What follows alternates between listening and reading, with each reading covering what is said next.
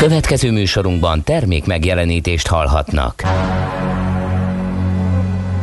A 90.9 Jazzy bemutatja egy zűrös városban, ahol semmi sem biztos. Csak az adó? Mondom semmi. Ahol a kisbefektetőket senki sem védi meg a tőzsdei kilengésektől, és a sikátorokban leselkedik a kíméletlen hozamgyilkos. Csak négy férfi múlik a közbiztonsága. Hadnagy urak, merre vannak? A mindenre elszánt és korrumpálhatatlan alakulat vigyáz a rendre minden reggel. Hé, kik ezek az állati nyomozók? Négy férfi egyeset és egy nyalóka. Ács Gábor, Gede Balázs, Kántor Endre és Mihálovics András. Az íróasztal mögül pedig Profit kapitány diktálja a tempót. Humor, emberi sorsok, közönséges bűnözők és pénz, pénz, pénz.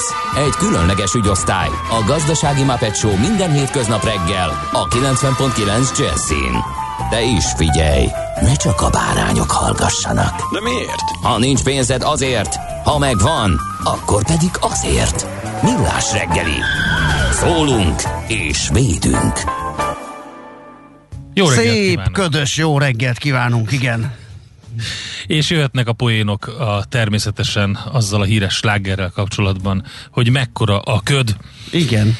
November 3-án szerdán, így halottak napja után, egészen nehéz közlekedni az ország sok pontján, a fővárosban és környékén mindenképpen. Arra kérünk minden autóval közlekedőt, hogy a városban és agglom- agglomerációjában, az alvóvárosokban ne használják a kötvénykürtöt és a kötvényzárókürtöt, mert ott nem kell, és kisüti az ember szemét. Igen, és mm, úgyis megírnák a hallgatók. Én egyébként most viszonylag fegyelmezett társasággal utaztam idefele az utakon, mert hát egy valakit láttam a külső részen, szerintem nem volt indokolt, mert a Balatoni út ezen szakasza onnan a Szoborparktól végig ki Igen. van világítva, és az sokkal több és jobb fényt ad, mint a saját kötvényszorong. Ezt ki lehet próbálni azzal, hogy bekapcsolod, kikapcsolod, és alig látsz jobban vele.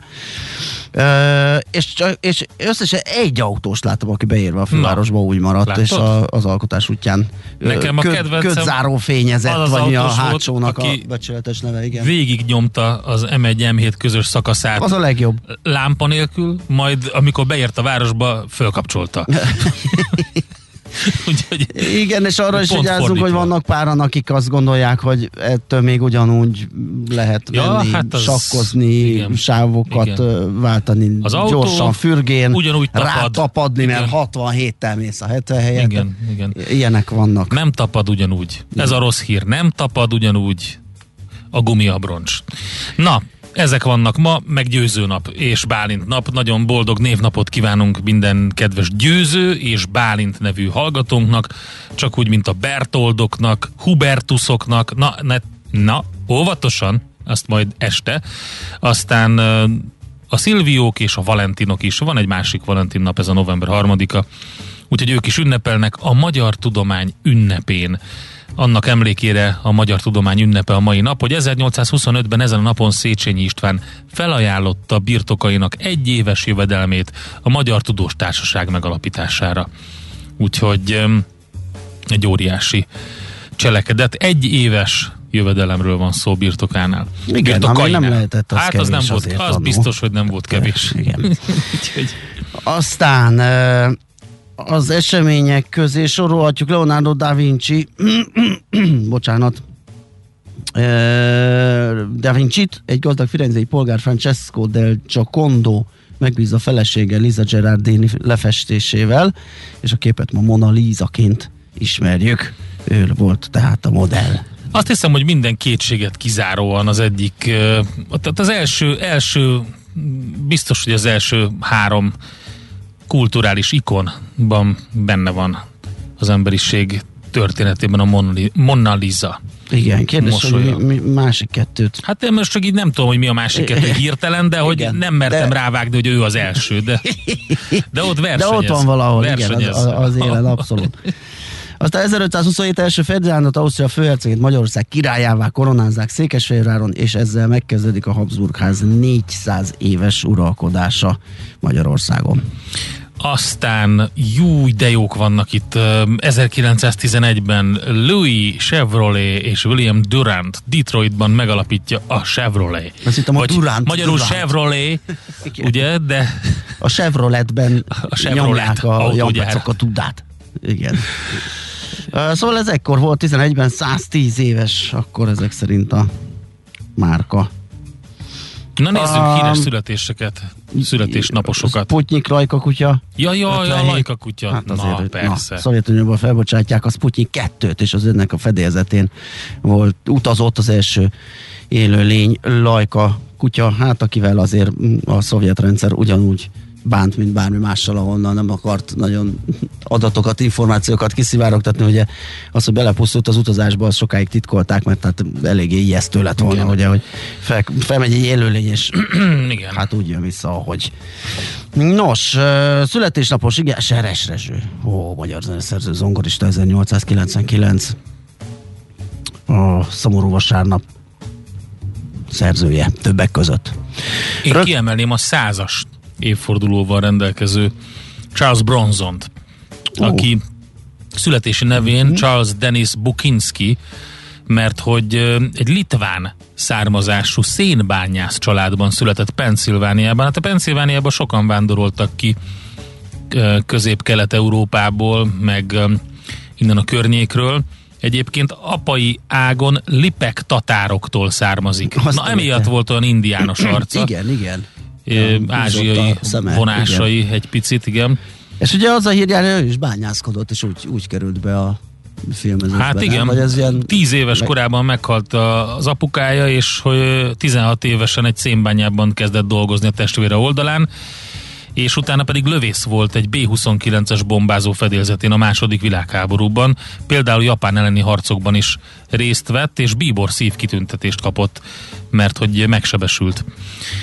Különben meg boxolásból, meg alkalmi munkákból élt, és aztán művészetet tanult Filadelfiában, és színpadi munkásként dolgozott, hát így került oda, mert díszlettervezői ambíciói voltak, és kiderült, hogy a színészethez nagyobb affinitása uh-huh. van, mint a díszlettervezéshez. Hogy ez hogy derült ki, ez lehet, hogy valaki tudja, aki hogy olvasta. a színpadon, aztán na, éppen fölfigyeltek rá, Összedőlt minden, de ő jó volt. Köze, és ta, úgyhogy lehet, hogy ezért. Szóval, hogy... hogy... Legfeljebb te inkább akar a színpadi Tehát, tehát szín, színpadi szerepekkel uh-huh. kezdte Charles Dennis Bukinski, és Charles Bronson néven pedig, hát nyilván a Volt egyszer egy vadnyugat, Piszkos 12, Hétmesterlövész, hát a bosszú vágyfilmek, ugye ezeket mindenki szerintem ismeri. Nos, 1930 Száraz György Kossuth és József Attila Díjas magyar eszé és színműíró születésének éve és a napja természetesen november 3-a. Monika Vitti olasz színésznő is ma született, ma ünnepel kerek évfordulós ö, 90 éves. Ugye? Köztünk van még. Monika Vitti, hát persze, de ő, a, ő, a, ő nem a Várjál, miből volt a... De a 70-es Hát éveknek a... a, a neve ismerősebb, mint hogy most felsoroljak olyan Szerintem én Antonioni- igen, igen, filmeket, igen. amiben ő játszott. Régen pedig voltak ezek a sorozatok, szerintem Mhm. uh-huh. ez teljesen jó kis népművelő jellegű volt. Uh, és uh, tudom, hogy Antonioni sorozat is ment a tévében még annó. De én akkor még azt hiszem olyan kisebbecske voltam. Hm. Uh, folytassuk akkor a sor Dolph Lundgrennel, Júj. ugye a kockafejű svéd származású akciófilmes színész filmrendező, neki is születésnapja van ma, és Eredetileg Hans. Valahogy Hans, Hans. az nem volt jó, és ezért Dolfra. hát nem tudom, Hát igen. Van, van az a Latobár film, amikor ö, azt hiszem feneknek hívják, és mindig piszkál Megváltoztatja a nevét fenékre. fenékre. Nem volt jó a Hans. Szóval a Hans és a Dolph között én nem érzem azt a minőségi ugrást, amivel esetleg jobban lehet marketingelni, vagy a plakátokon jobban mutat, de hát nyilván ezt valaki kitalálták, lehet, hogy ő maga. És Dolph Lundgrenként vonult be a filmművészetbe. 1982 Evgenyi Viktorovics Juschenko, orosz többszörös olimpiai bajnok műkorcsolyázó. Ezt vajon miért ollózta ide Mihálovics András szerkesztő úr? Talán azért, mert Jevgenyi Viktorovics Plüschenkonak nagy rajongója? Lehet. És minden És olimpiai bajnok műkorcsolyázó számát megnézte? Lehet, és, és csak ábrándozik róla a melák, hogy egyszer ő is ilyen flitteres cuccba fog röpködni a jégen, anélkül, hogy az beszakadna, berepedne. Ez óriási. És, és szerintem ez, ez egy ilyen gyerekkori vágy, és ez így ilyen így megjelent a szerkesztésben, és, és, és berakta. De hát köszöntjük persze, simán. Óriási. Most hirtelen nem jut eszembe, hogy mi volt az a film a műkorcsajázókról, de hogyha tudjátok, írjátok meg mindenképpen mert nagyon érdekes az a komédia. Valaki azt írja, hogy fellegi lett a fenekből. Ja, lehet. Lehet, ugye. Azt hittem, hogy fenékre. Köszönjük szépen. Köszi, köszi. Oké. Okay. Uh, akkor el is mondom, hogy 0630 20 10 909 az SMS, WhatsApp és Viber számunk, és kaptunk is pár üzenetet. Például azt, hogy Mindjárt lefrissítjük, mert majdnem egy tegnapit mondtam. Tudom, hogy mit a, fogsz mondani. Az SM... Na mit? Na jó, mondjad. De, de, de én magam sem tudom, mert nem frissült az üzenőfal. Az, hogy a jó reggelt ma olyat tettem, mint még soha. Ú, ezt lehet, hogy magamból olvasom el?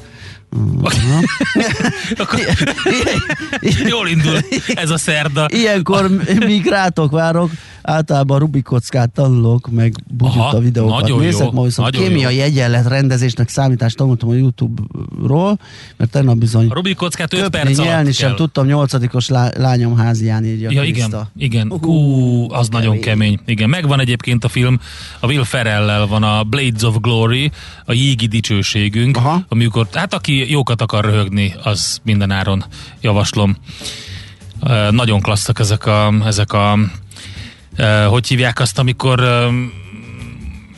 a műkorcsolyázók egy saját maguk által összeállított koreográfiát.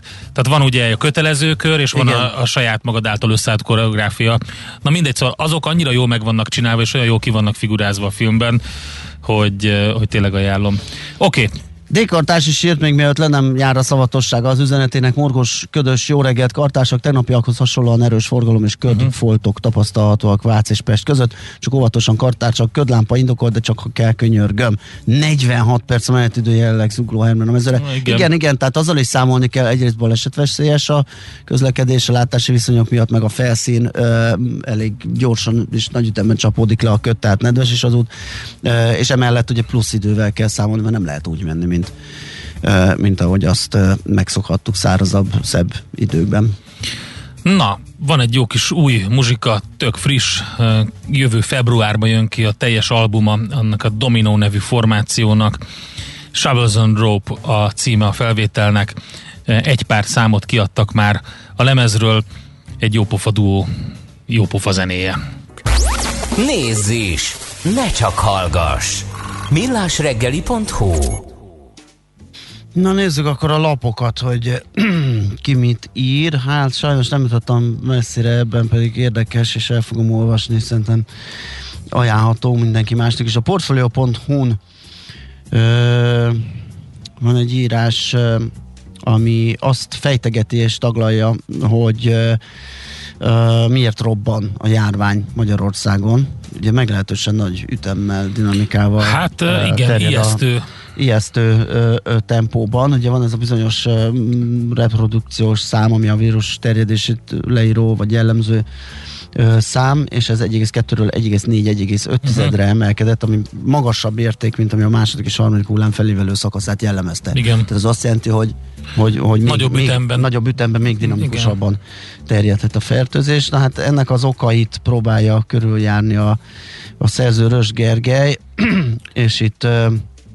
elég sok mindenről ö, lehet olvasni, diagramokkal, adatokkal, mindennel alátámasztva, szerintem izgalmas. A G7.hu-n egy nagyon érdekes cikk, több um, ismerősömet és még mindenféle egyetemi docens közgazdászokat is láttam kommentelni és megosztani a témát. Raktárosi fizetésért robotol több ezer tanársegéd és adjunktus a magyar egyetemeken. Ez a címe a cikknek. A 30-as évei elején járó Dániel lelkezdik, ugye egy ilyen megszemélyesítés rögtön, aki nemrég lett az Ötvös Lórán Tudományegyetemen teljes állású tanársegéd. Az Ötvös Lórán Tudományegyetemen, hogyha valaki teljes állású tanársegéd lesz, és fiatal, akkor a havi nettó fizetése 155 ezer forint. Én csak így emellé tenném, hogy a K- KSH mediánbért, meg, meg, meg azt, hogy általában a versenyszférában hogy alakulnak a bérek, És szerintem itt a két, két ö, ö, pálya vagy karrier szélsőségességét próbálta leírni ezzel a, a, a cikk, uh-huh. hogy egy raktáros bére, de egy raktáros szerintem többet keres. Nyilván.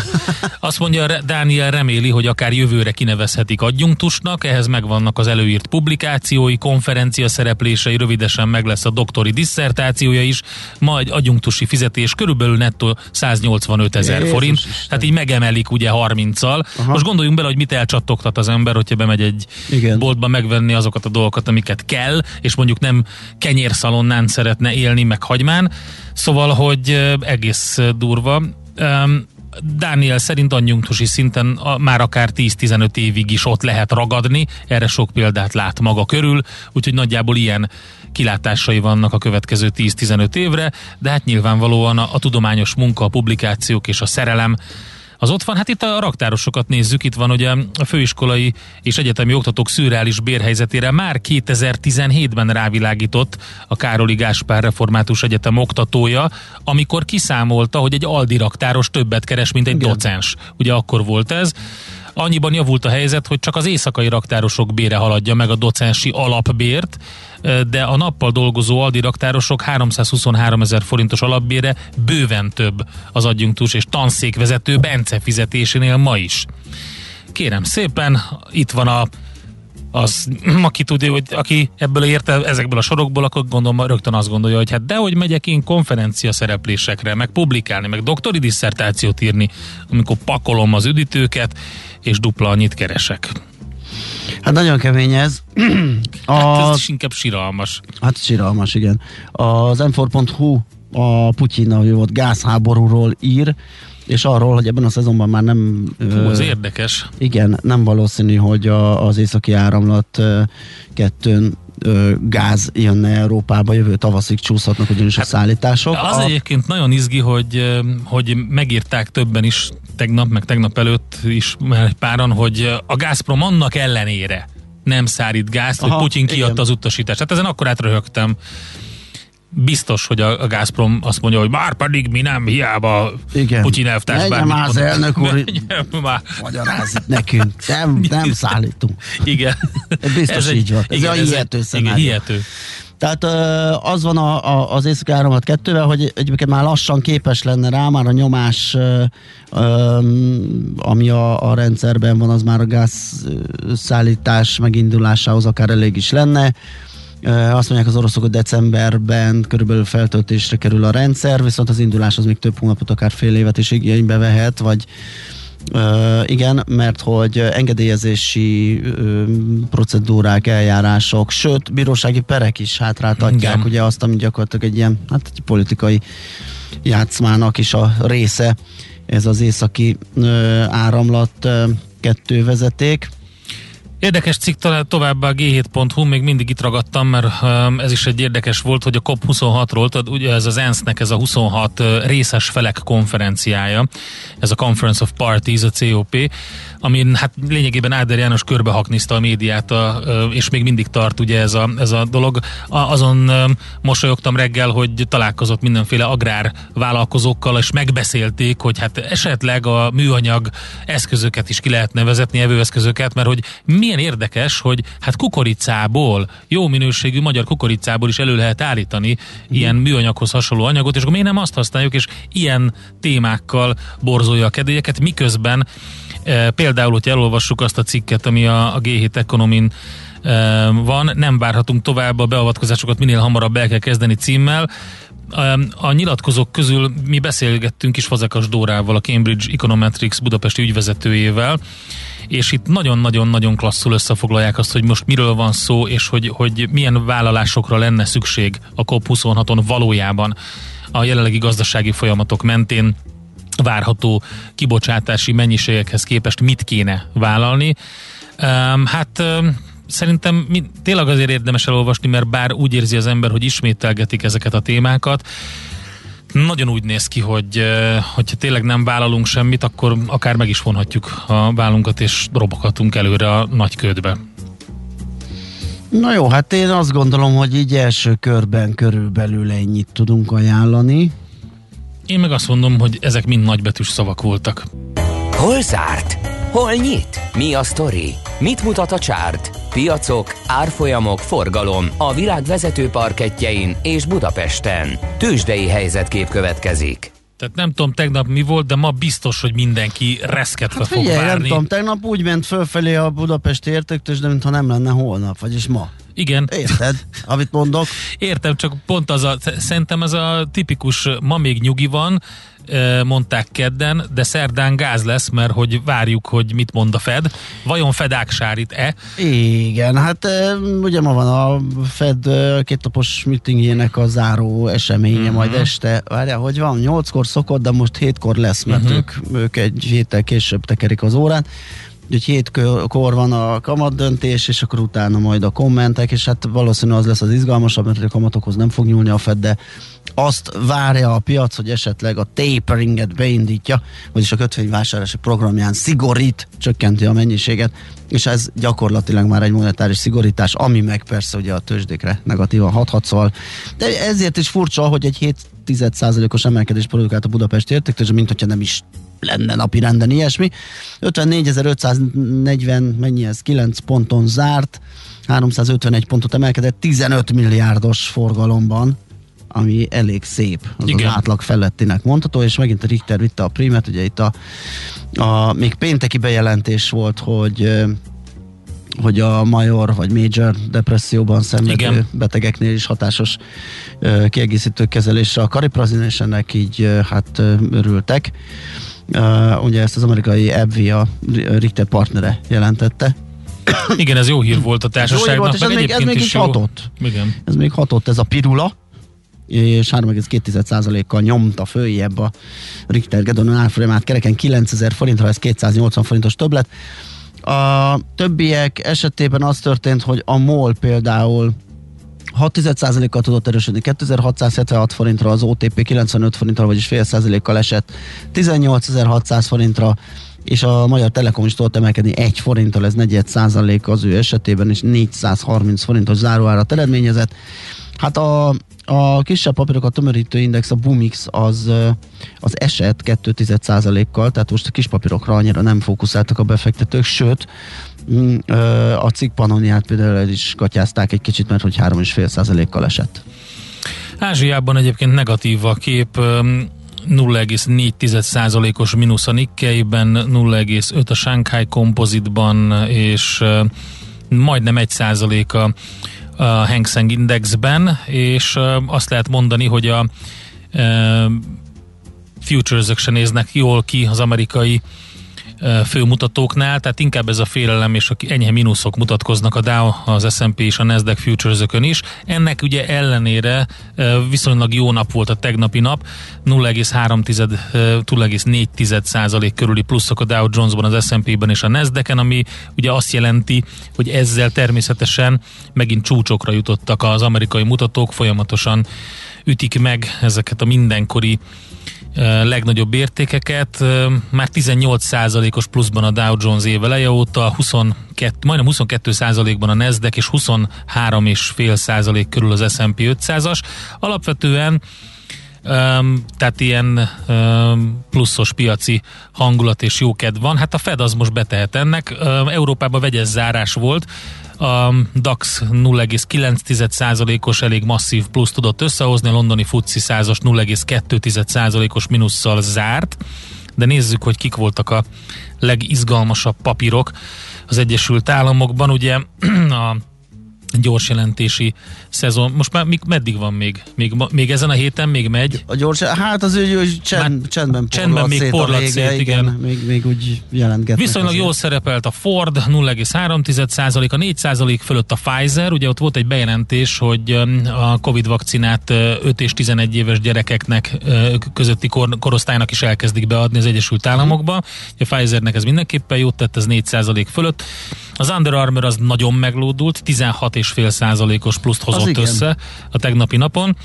Aztán um, a legnagyobb nyertesek között még, ugye két sorozata van az Under Armournek bevezetve, az egyik 16, a másik 14 százalékos pluszt hozott össze, a DuPont majdnem 9 százalékos plusszal zárt, aztán a vesztesek között a Ralph Lauren 10% körüli mínuszt hozott össze, és ki még kit lehet kiemelni? A Marathon Petroleum 4%-os mínusz.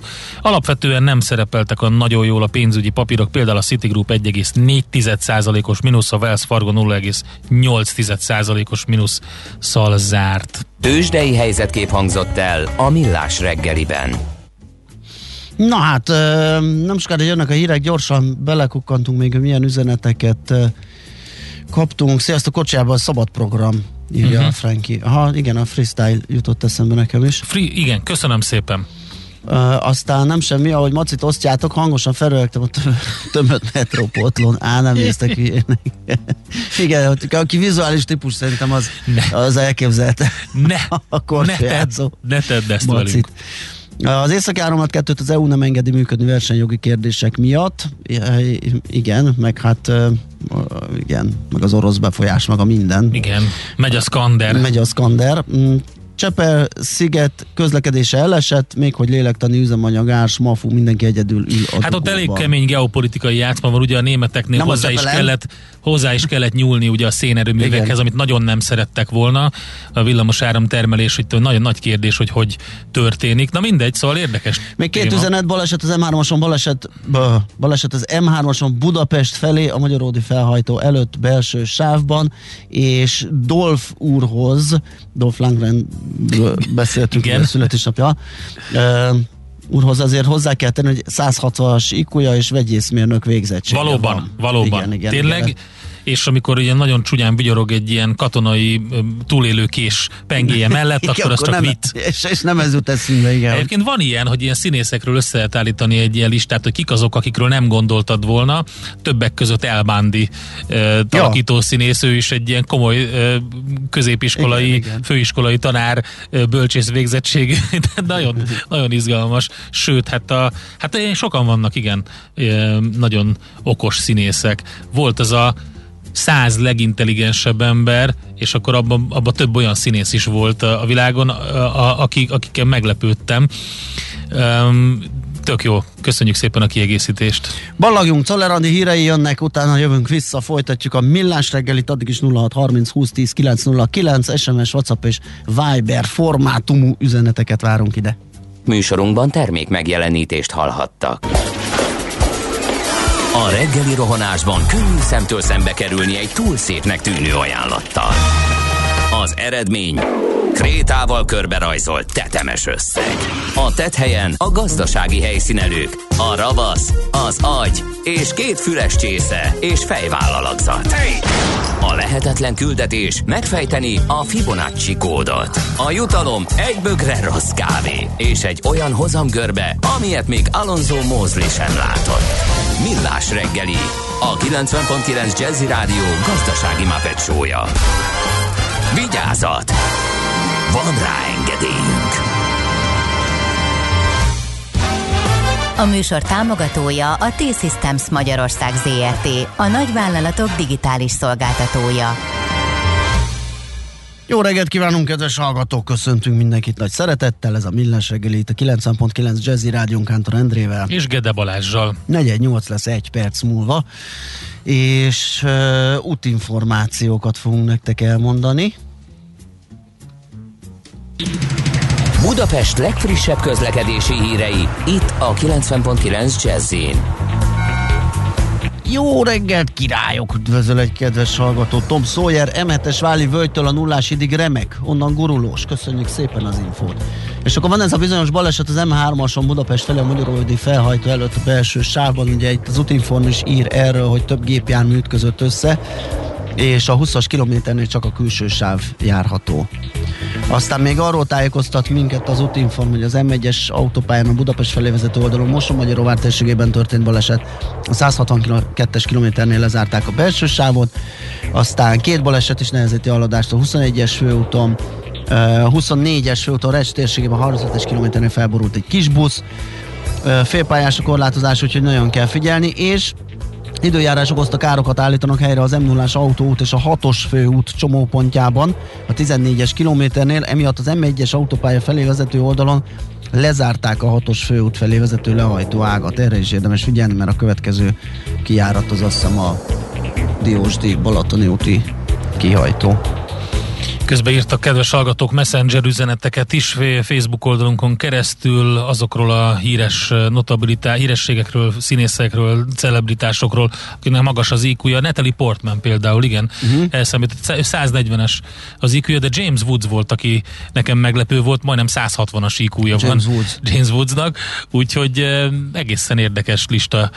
Sokan olyanok, akikre nem gondolnának. Sharon Stone-t ugye sokat emlegetjük, 154-es IQ-val, de az Ashton Kutcher például állítólag 160-as IQ-ja van. Igen, úgyhogy James Woods azért vitte a jasokra, a, a volt egyszer egy Amerikában, ugye kis Piti tolvajtól a, egész a politikus Hát bűnözői. nem azért, de Jó, ezek, hát ez ezek most ez jó. jutott eszembe, igen. De például Quentin Tarantinónak is, tehát nyilván aki író eh, ember, az egy kicsit más, hogy állunk hozzá, de Brian Maynek is nagyon magas iq van állítólag, úgyhogy vannak ilyen hírességek. Budapest, Budapest, te csodás! Hírek, információk, érdekességek, események Budapestről és környékéről.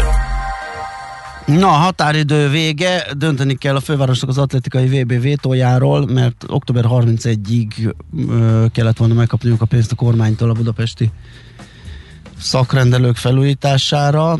Ö, Várjál csak, ez hogy van? Itt azt hiszem több hír van egy csokorban. Rácsúszott. rá, rá, rácsúszott egyik hír a másikra, igen.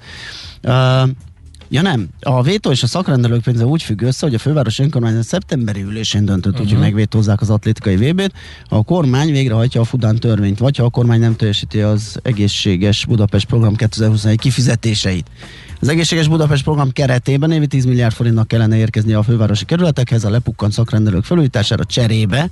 Budapest nem tesz keresztbe a Ferencvárosi Atlétikai hmm. Stadion már elkezdett megépítésének. Aha, erről van szó. Uh, itt uh, azt hiszem egyelőre várakozó uh, állásponton vannak, és a Tüttő Kata azt nyilatkozta az ATV-ben, hogy a közgyűlés úgy döntött, hogyha nem teljesíti a kormányzat ígéretét, és nem jön a pénz a budapesti szakrendelők felújítására, akkor novemberi közgyűlésen, tehát lejárt ugyan a határidő, de, nem, de az majd a közgyűlési keretek között ö, fogják azt tárgyalni, hogy mi legyen a folytatás.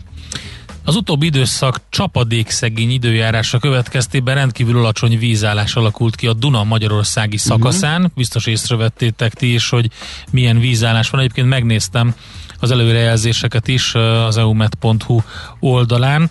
Ugye Budapesten a legkisebb vízállás, amit mértek, az 33 centi volt, akkor volt, talán beszéltünk is róla itt adásban, sokszor akkor szóba került a kis alagút, amiről uh, szívesen uh, sztorizgattál gyermekkori élmények uh, jeidről uh-huh. a Margit híd Igen, igen. kis alagútja. Most ugye 145 és 50 centi között van, vagy legalábbis oda prognosztizálják, most, most ilyen 100 centi alatt van, tehát ilyen 87 vagy 88 volt a legutóbbi, amit láttam, és a következő pár napban emelkedik egy pár centivel.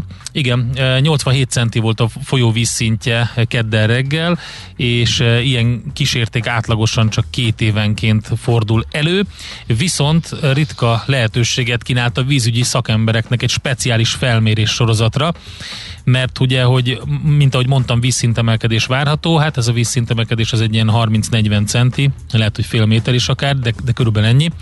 A méréseket az elmúlt hétvégén végezték, mégpedig koordinálva a Győri, Budapesti és a Bajai vízügyi igazgatóság szakemberei, és a vizsgálatok során a Duna több száz kilométeres hazai szakaszán meghatározó helyszíneken pontosíthatták az adatokat, illetve hát olyan alacsony a Duna vízszintje, hogy szivattyúval kell pótolni a ráckevei ágba a vizet.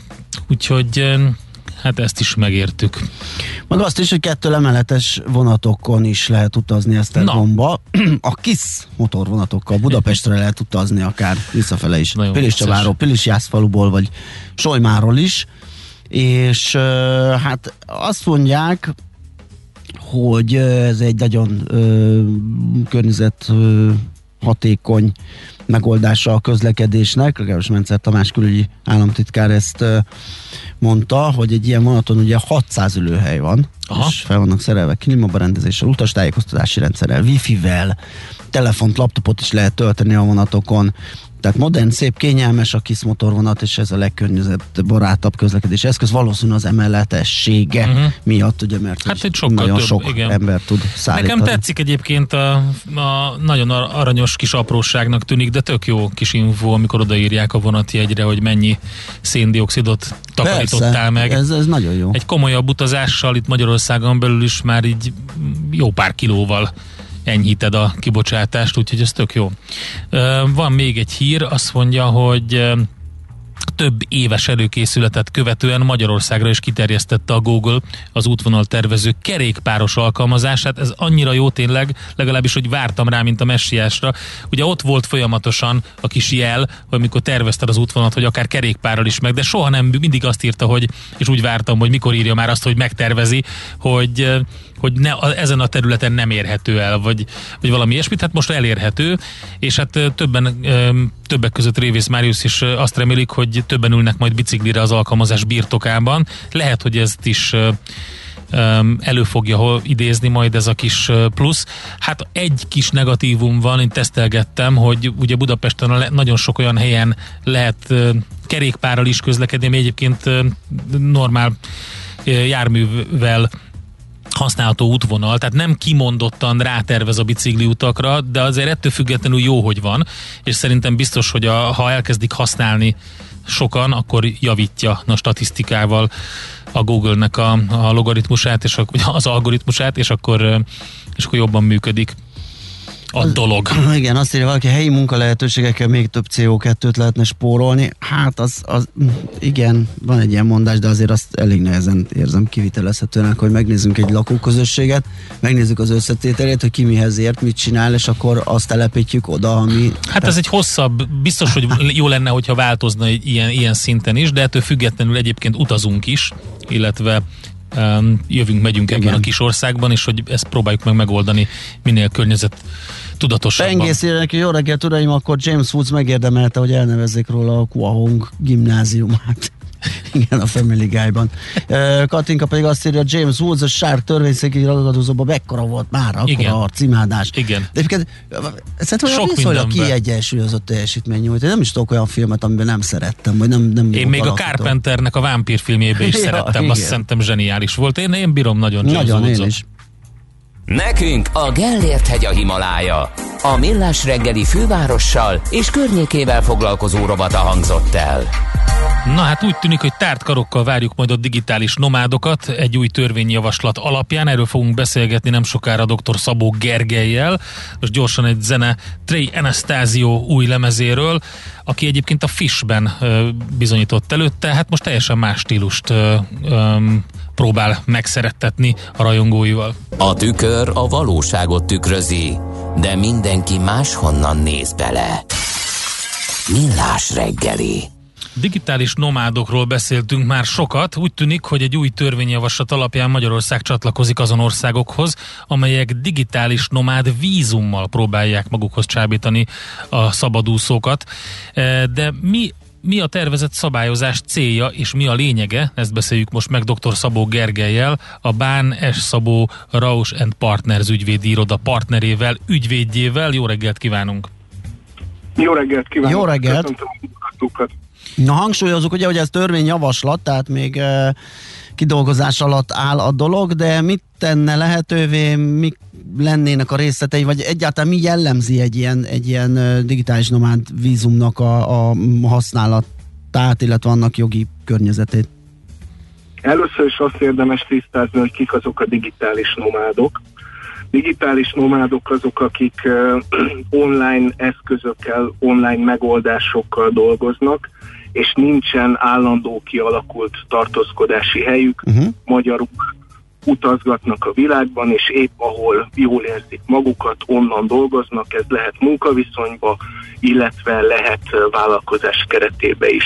A Covid miatt számos ország úgy gondolta, hogy megpróbálja magához vonzani ezeket a digitális nomádokat.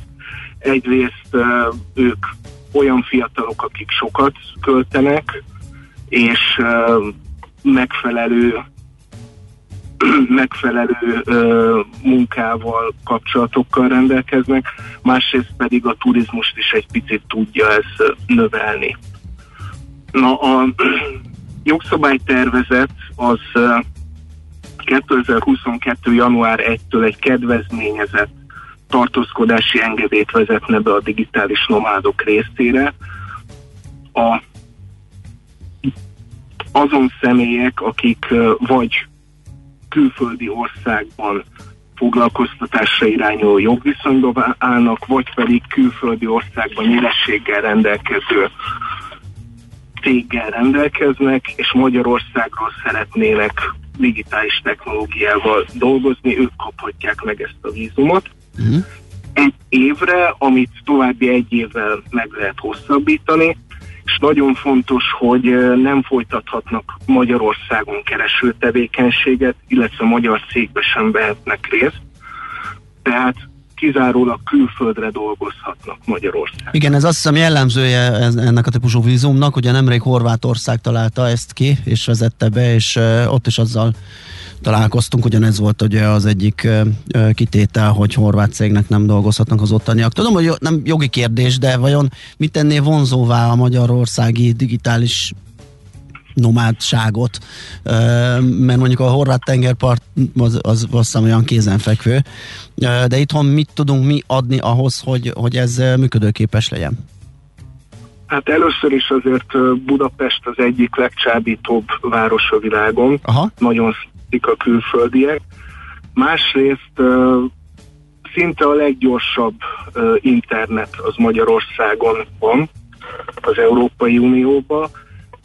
Nagyon jó wifi lefedettség van, és számos olyan közösség, startup széna és coworking iroda található, ahol ezek a jellemzően 40 év alatti fiatalok megtalálják a számításaikat, és nem utolsó sorban eléggé pesgő éjszakai élet jellemző Budapestre, illetve Magyarországra, úgyhogy én úgy gondolom, hogy igenis sikeres lesz ez az új vízum. Ez az új vízum, ez a fehér kártya, ugye? Igen, Mire jogosít fel még ez a fehér kártya? Tehát, hogy ha valaki ezt kiváltotta, itt meghosszabbította, akkor neki lesznek könnyebbségei később, hogyha azt gondolja, hogy itt le akar telepedni? Nem, a letelepedéshez nem számít be bele a fehér kártya alapján Magyarországon töltött időtartam, tehát ahhoz más cél kell.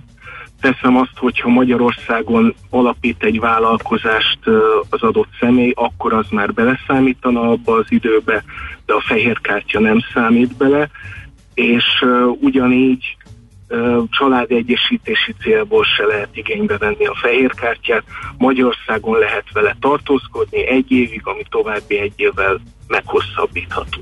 Um, azt egyébként hogy tudják kiszűrni, hogyha egy ilyen vállalkozó Magyarországon tartózkodik, hogy külföldre dolgozik, de mit tudom én, találkozik itt egy olyan céggel, aki igénybe szeretné venni az ő szolgáltatásait, és azt mondja, hogy egy projekt erejéig fizetnének neki, akkor mi történik?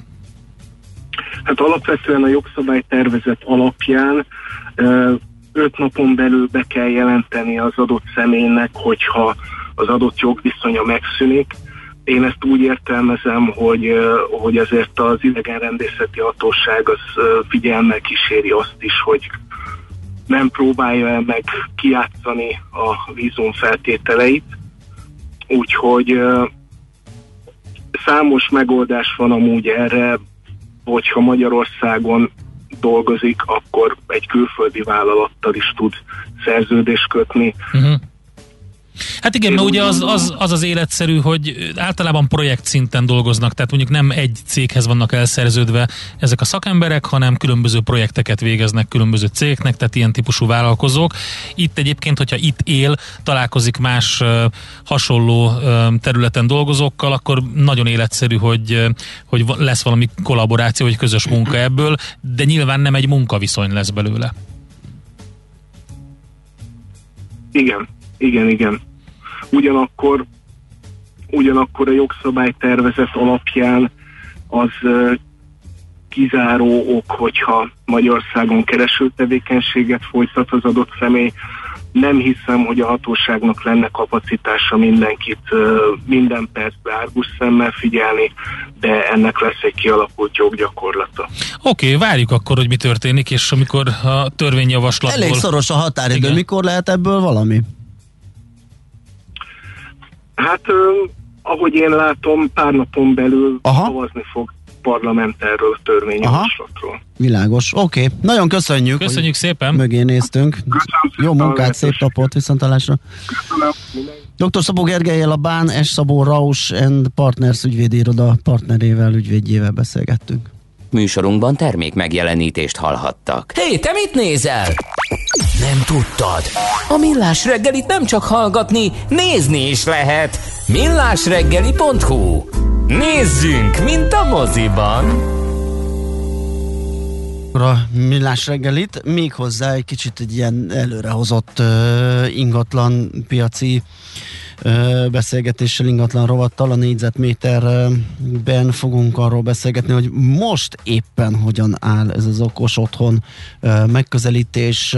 Egy felmérésre is fogunk majd hivatkozni, ami azt hivatott felmérni, hogy az ügyfeleknek milyen elvárásaik vannak, mit szeretnének ebben látni, aztán azt is megnézik, hogy mennyire egyszerű ezeknek a beszerzése, telepítése.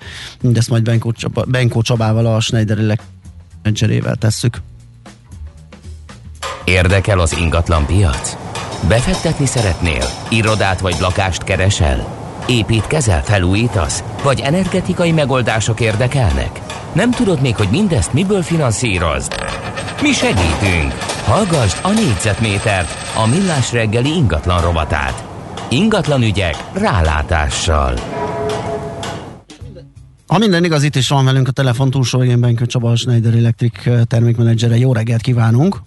Jó reggelt kívánok, köszöntöm a hallgatókat. Na hát sokat beszélgetünk mi okos otthonról, ugye ez már azért úgy kezd kezd betöremkedni így a közbeszédbe, sőt, mi több, hát az ingatlan tulajdonosok, ingatlan vásárlók már egyre inkább kezdik megszokni, hogy ez egy létező dolog, és az ingatlanjaikban ez egy telepíthető, vagy már telepített, és eleve így vásárolt ingatlanokról van szó.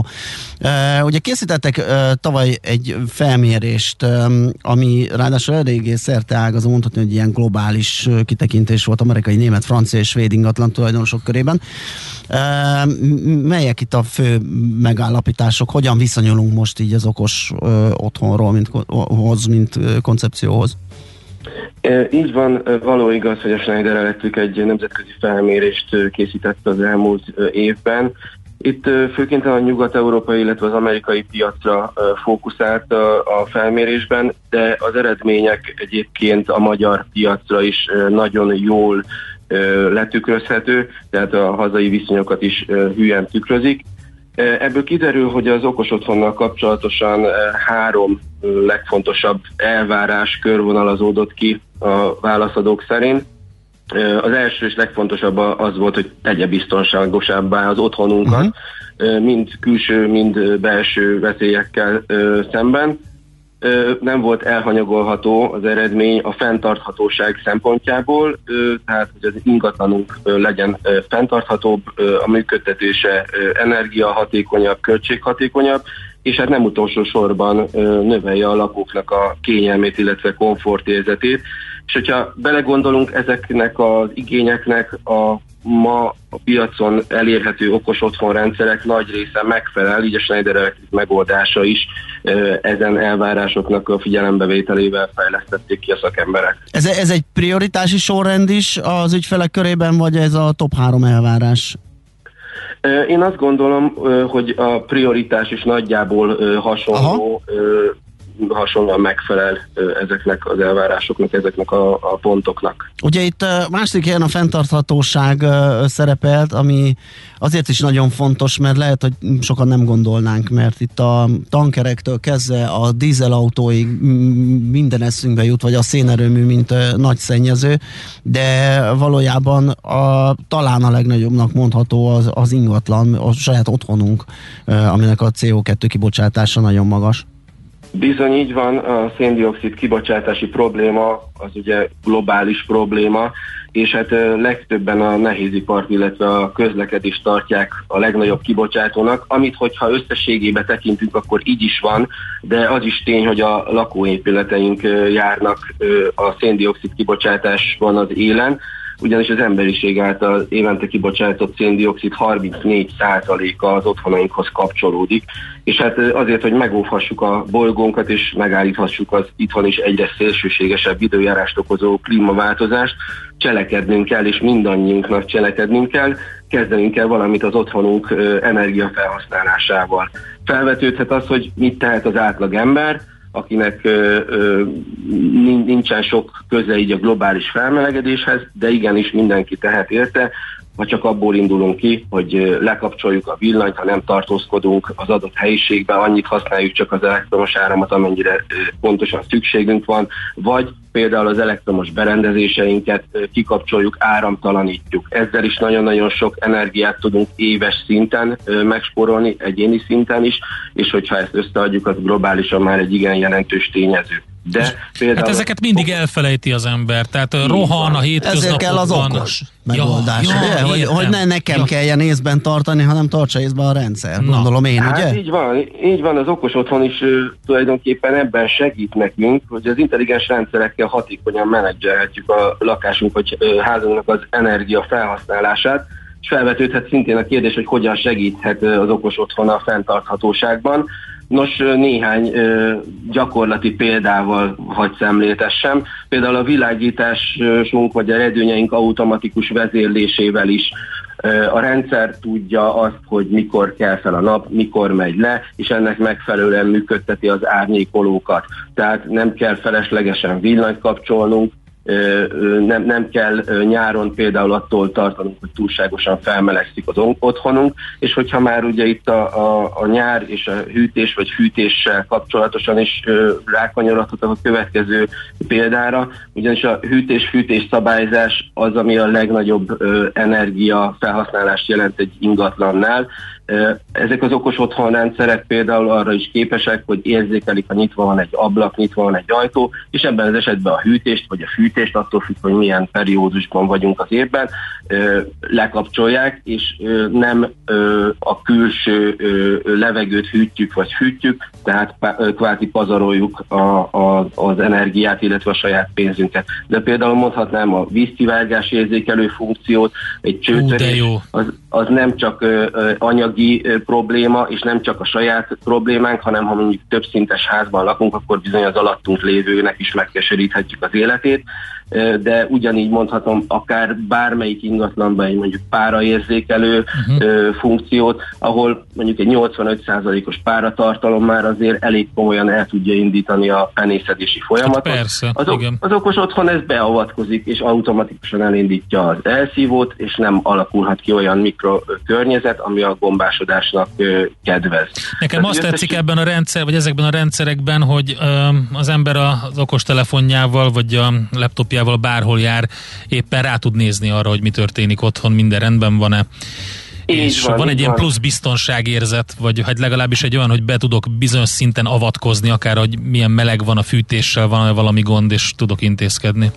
Ez abszolút működőképes, sőt bizonyos veszélyhelyzetekről azonnal értesítést küld a rendszer. Tehát én valós időben értesülök, ha ne Isten csőtörésem van, ha ne Isten nyitva hagytam mondjuk egy ablakot, miután elmentem otthonról, tehát abszolút a biztonságérzetet is ö, növeli, de hát ne feledkezzünk arról, meg arról, hogy az okos otthon az tulajdonképpen egy értéknövelő beruházása is az mm-hmm. Ugyanis itt, itt szintén, ha picit visszakanyarodhatok ehhez a felméréshez, akkor azt lehet elmondani, és azt lehet kiolvasni ebből a felmérésből, hogy a 37%-a megkérdezetteknek úgy gondolja, hogy határozottan vonzóbbá teszi a vevők szemében az ingatlanunkat, hogyha vannak benne okos funkciók. És ez tény, hogy, hogy az ilyen okos otthon beruházás az növeli a lakásunk, házunk értékét, és segíti a későbbi értékesíthetőségét is. És ne felejtjük el, hogy mindez igénybe vehető az okos, ugye az állami otthonfelújítási támogatással, tehát egy 50%-os kedvezményt összességében el tudunk rá érni. Az ingatlan fejlesztők mennyire tartják ezt szem előtt, hogy ennyire ez a 37 százalék, ugye, amit említettél, hogy a vevők szemében vonzóbbá teszi az ingatlant, ez nyilván nekik is érdekük lehet akkor már így kivitelezni az új lakásokat. Így van. Mi több olyan ingatlan fejlesztővel kapcsolatban állunk, akik hatalmas lakóparkokat, hatalmas beruházásokat csinálnak, vagy éppen terveznek, és azt tapasztaljuk, hogy az elmúlt időszakban ugrásszerűen megnőtt az okos otthonok, az okos lakások iránti érdeklődés a részükről is, és ez egyértelműen igazolja azt, amit az előbb mondtam, hogy bizony nem, nem csak a fenntarthatóságot, a költségcsökkentést segíti az okos otthon, hanem az ingatlanok az értékét is növeli. Tehát mondjuk egy 100-150 ezer forintos kezdő beruházással már felokosítható akár a meglevő otthonunk, vagy akár egy új építésű ingatlan, de ez önmagában már több százezeres, vagy akár milliós ért, nagyságú érték növekedés. Hozzáadott értéket jelent. Így van, így van. Oké, okay, Csaba, nagyon köszönjük ezt a kis alapozást. Jövő héten majd még beszélgetünk egy kört, akkor egy picit uh, uh, speciál, vagy uh, jobban ránézünk arra, hogy nálatok a Schneider Electricnél hogy zajlik ez a fejlesztés, uh, hogyan dolgoztok, mikkel foglalkoztok, lehet-e részben vagy egészben kell telepíteni ezeket a rendszereket, úgyhogy még marad bennünk kérdés, jövő héten folytatjuk. Köszönjük még rendben. Én itt leszek, és várom a hívást. Oké, okay, jó munkát, szép napot, szervusz! Benkó Csabával beszéltünk, Schneider Electric termékmenedzserével. Um, okos otthonokról volt szó, hogyan lehet uh, jó sokat spórolni. Négyzetméter ingatlan ügyek rálátással. A millás reggeli ingatlan rovata hangzott el. Veszel-e? Eladod-e? Kanapéról-e? Irodából-e? Mobilról-e? Laptopról-e? Kényelmesen, biztonságosan, rengeteg ajánlat közül válogatva, időspórolva, ugye-e, hogy jó? Mert ott van a mágikus E. E-Business. A millás reggeli elkereskedelmi rovata, ahol mindenki számára kiderül, hogy online miért jó üzletelni. Nos, hát egy hete sincs, vagy talán egy hete, hogy a Facebookból meta lett egyelőre cég mm, szinten, aztán majd a keresztségben további dolgok történnek, például a, a, a részvény ticker kódja FB-ről, mert hogy van Metaverse, az MVRS-re fog változni Igen. december 1-től, és hát majd meglátjuk, hogy meg, még, még mi, meg hogy egyáltalán, mi lesz, hogy meg mennyire kellett ez... Stevenson benyújtja a számlát, ja, tényleg, az is. konkrétan az elnevezését így tudtokon kívül persze lenyúlták, de hogy az egész sztori miről szól, Palocsai Géza jófogás és a használtató.hu ügyvezető igazgatója van itt velünk, és elmondja, jó reggelt, szervusz! Sziasztok, jó reggelt! Szia, jó reggelt! Na, mit tudunk, ugye többen azt mondják, hogy erre az átnevezésre hát azért részben a Facebook körüli mindenféle uh, jogi hercehurca meg botrányok uh, kapcsán is mondhatni, hogy jókor jön. Uh, mások azt mondják, hogy egyenesen ezért volt erre szükség. Mit lehet tudni, mi, mi rejlik a meta koncepció mögött? Igen, több városi legenda is kering azzal kapcsolatosan, hogy miért kellett a Facebookot átnevezni. Ugye a hivatalos álláspont az az, hogy az internet jövőjét szeretnék fölépíteni eh, Zuckerbergék, és eh, ezt egy úgynevezett metaverzumba látják, ami a közösségi hálóknak egy új generációját jelenteni. És azért, hogy eh, ezt a típusú missziót tudatosítsák a vállalat egészében, illetve teljesen egységes legyen a kommunikáció, mivel metaverzumra metaverzumot szeretnének létrehozni, ezért ennek a rövidítése a meta lesz a cégnek a neve, és ez lesz az úgynevezett ilyen parent company tehát a fő, fő cége. A Facebooknak kilépnek abból, a, abból a, a, az eddigi elnevezésből, ami, ami egyértelműen meghatározta a, a Facebookot. Ugye ehhez hasonló módosítással találkozhattunk már egyszer. Igen, épp akartam is kérdezni, hogy a, a, az alfabet Google gondolom arra akarsz utalni, hogy valahogy ott sem alfabetesedett el a Google, mindenki Google-nek Igen. hívja, hogy itt azért terveznek esetleg többet, mint egy névváltoztatás? Ez egy érdekes kérdés, szerintem ezt az idő fogja eldönteni. Ugye a Google-nél is nagyon hasonló volt a helyzet, mint a Facebooknál. Tehát a 2000-es évek elején, amikor amikor ugye egyre inkább teret nyert maga a szolgáltatás, illetve a közösség, az egyes termékei, akkor egyre több kritika fogalmazódott meg a céggel kapcsolatban, akkor volt ez a híres Don't be evil szálló ige is, ami, ami megpróbáltak átnevezni a Google-nél, amikor alfabetté vált a cég, mm. akkor do the right thing volt a, a, a motto, aztán szépen lassan ezt gyorsan így, így el is felejtették, és hát a mai napig így hívják a céget, de hát ahogy ti is említettétek valóban, ez nem annyira jött be, továbbra is Google-ként hivatkozunk rá, hogy a Facebooknál másképpen lesz ez, azt szerintem attól függ egyértelműen függeni, hogy ez az álom, ez a vízió, ami most megfogalmazódott, amit ebben a hosszú videóban már Zuckerberg bemutatott, erről az új virtuális valóságról, erről az új internetről, erről az új hálózatról, ez meg tud valósulni, és abban a formában tudja megvalósulni, ahogyan ők elképzelték. Abban az esetben, hogyha ez a világ létrejön, és annyira meghatározó lesz, mint amilyen meghatározó a Facebook jelen pillanatban a 3 milliárd aktív felhasználójával, havi szinten, ami, ami, ami egyértelműen vezetővé teszi a közösségi platformoknak a, a piacán, akkor látok rá esélyt, hogy a Facebook-ot felváltsa a, a beta. Uh-huh.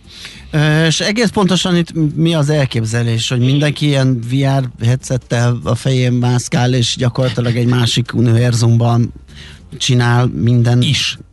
mindent is.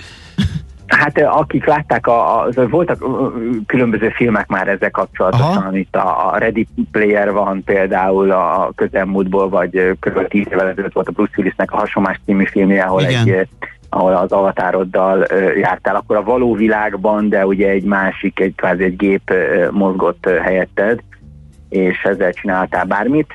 Érdekes lesz, hogy hogyan fogják összekapcsolni a 2013-ban, vagy bocsánat, 2014-ben megvásárolt Oculus branddel uh-huh. a virtuális valóságot. Ugye volt már ilyen próbálkozása a Facebooknak, illetve jelen pillanatban is van, amikor is ugye a, megvették 2014-ben 2,3 milliárd dollárért az Oculus, ami e, e, olyan eszközöket gyártott, amelyek ilyen kiterjesztett valóságot, ugye szemüvegeket, headseteket, mai napig meg lehet ezeket venni, 150 ezer forint körüli e, áron vannak, és e, erre próbált egy külön e, közösségi média platformot is létrehozni, amit e, meg is csinált, de aztán 2018-tól kezdődően már egyértelmű Facebook accounthoz kötötte a belépést, és 2023-tól ki is vezeti ezt.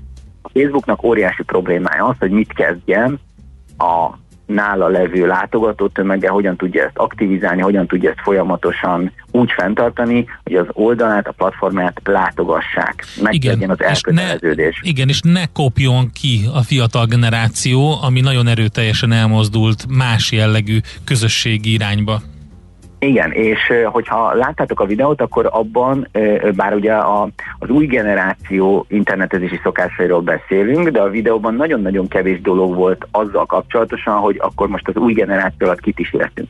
Tehát itt volt a saját otthonod berendezésétől kezdve azt, hogy hogyan végzed a munkádat, hogy hogyan kapcsolódsz ki a szabadidődben, ez azért nem feltétlenül a nagyon fiataloknak szóló történet, tehát a 20 éven aluliaknak szóló történet, tehát én a videóban inkább magunkat láttam megszólítva, illetve egy olyan irányt láttam célként kitűzve, aminek a keretében egy saját ökoszisztémának a létrehozására tör a Facebook, amely ökoszisztémán belül te nagyjából a teljes életedet tudod élni, nyilvánvalóan azoknak a szolgáltatásoknak az igénybevételével, amelyeket ez az ökoszisztéma, ez a világ számodra biztosít. Ha visszagondoltok arra, hogy amikor a mobiltelefonok megjelentek, és ugye elindultak ezek a különböző sztórok, amiben különböző kreátorok tudtak szolgáltatásokat, játékokat, eszközöket fejleszteni, ugyanez a típusú folyamat le tud zajlódni egy ilyen világban is, ahol vehetsz magadnak különböző tehát most már nem háttérképeket veszel, vagy mobilcsengő hangokat, hanem veszel magadnak egy lakás,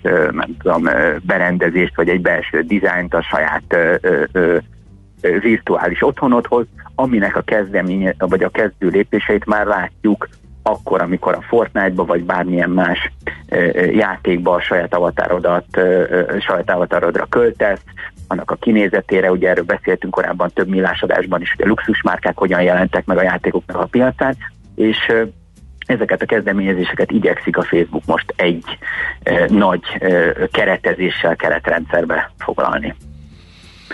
Hát ha személyes, ha személyes véleményemet kérdezik, remélem, hogy nem fog sikerülni. szóval, tehát engem, engem, engem, engem kicsit megijeszt ez De a... figyelj, ez az a helyzet, csodálom, sokat igen. beszéltünk erről, az- mert önmagába a technológia és a lehetőség az nagyon pozitív. Itt az a kérdés, hogy mi emberek mit csinálunk vele. És szerintem ez, az a, ez a sok negatívum, ami ilyenkor eszünkbe jut, az mind az, amit mi emberek csináltunk ezekkel a dolgokkal. Tehát saját embertársainkban nem bízunk annyira. Hát ugye teleszemeteltük a földet, például nem tudunk megállapodni abba, hogy itt a, a, a határon már valamennyire fogjuk vissza magunkat egy picit, és ne legyen visszafordíthatatlan a folyamat. Hát ugye mit fogunk egy ilyennel művelni? Egy ilyen metaverzummal? Azért mindenkiben vannak ké- kétségek. Abszolút, és hogyha nagyon mögé akarunk nézni az egésznek, hogy vajon miért is csinálják, akkor azért oda fogunk kiukadni, hogy pénzért. Oda fogunk Hát kiukadni, persze. hogy az átlagos ö, ö, social media platformokon töltött, ö, töltött idő napi szinten ma 2 óra 24 perc, ebből 33 perc az, amit a Facebookon töltesz.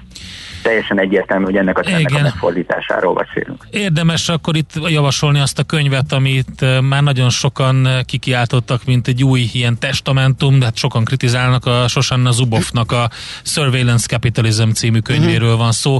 Eléggé, eh, eléggé jól rátapintottál a lényeg, de amikor arról szól az egész, hogy mindenki, mindenki pénz, mindenki adat, és erről szól az új kapitalizmus.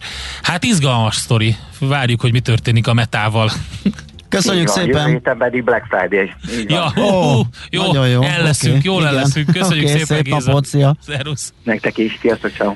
Palocsai Gézával, a jófogás és használt autó.hu ügyvezető igazgatójával beszélgettünk a Facebook átalakulásáról. Na, megtaláltad-e?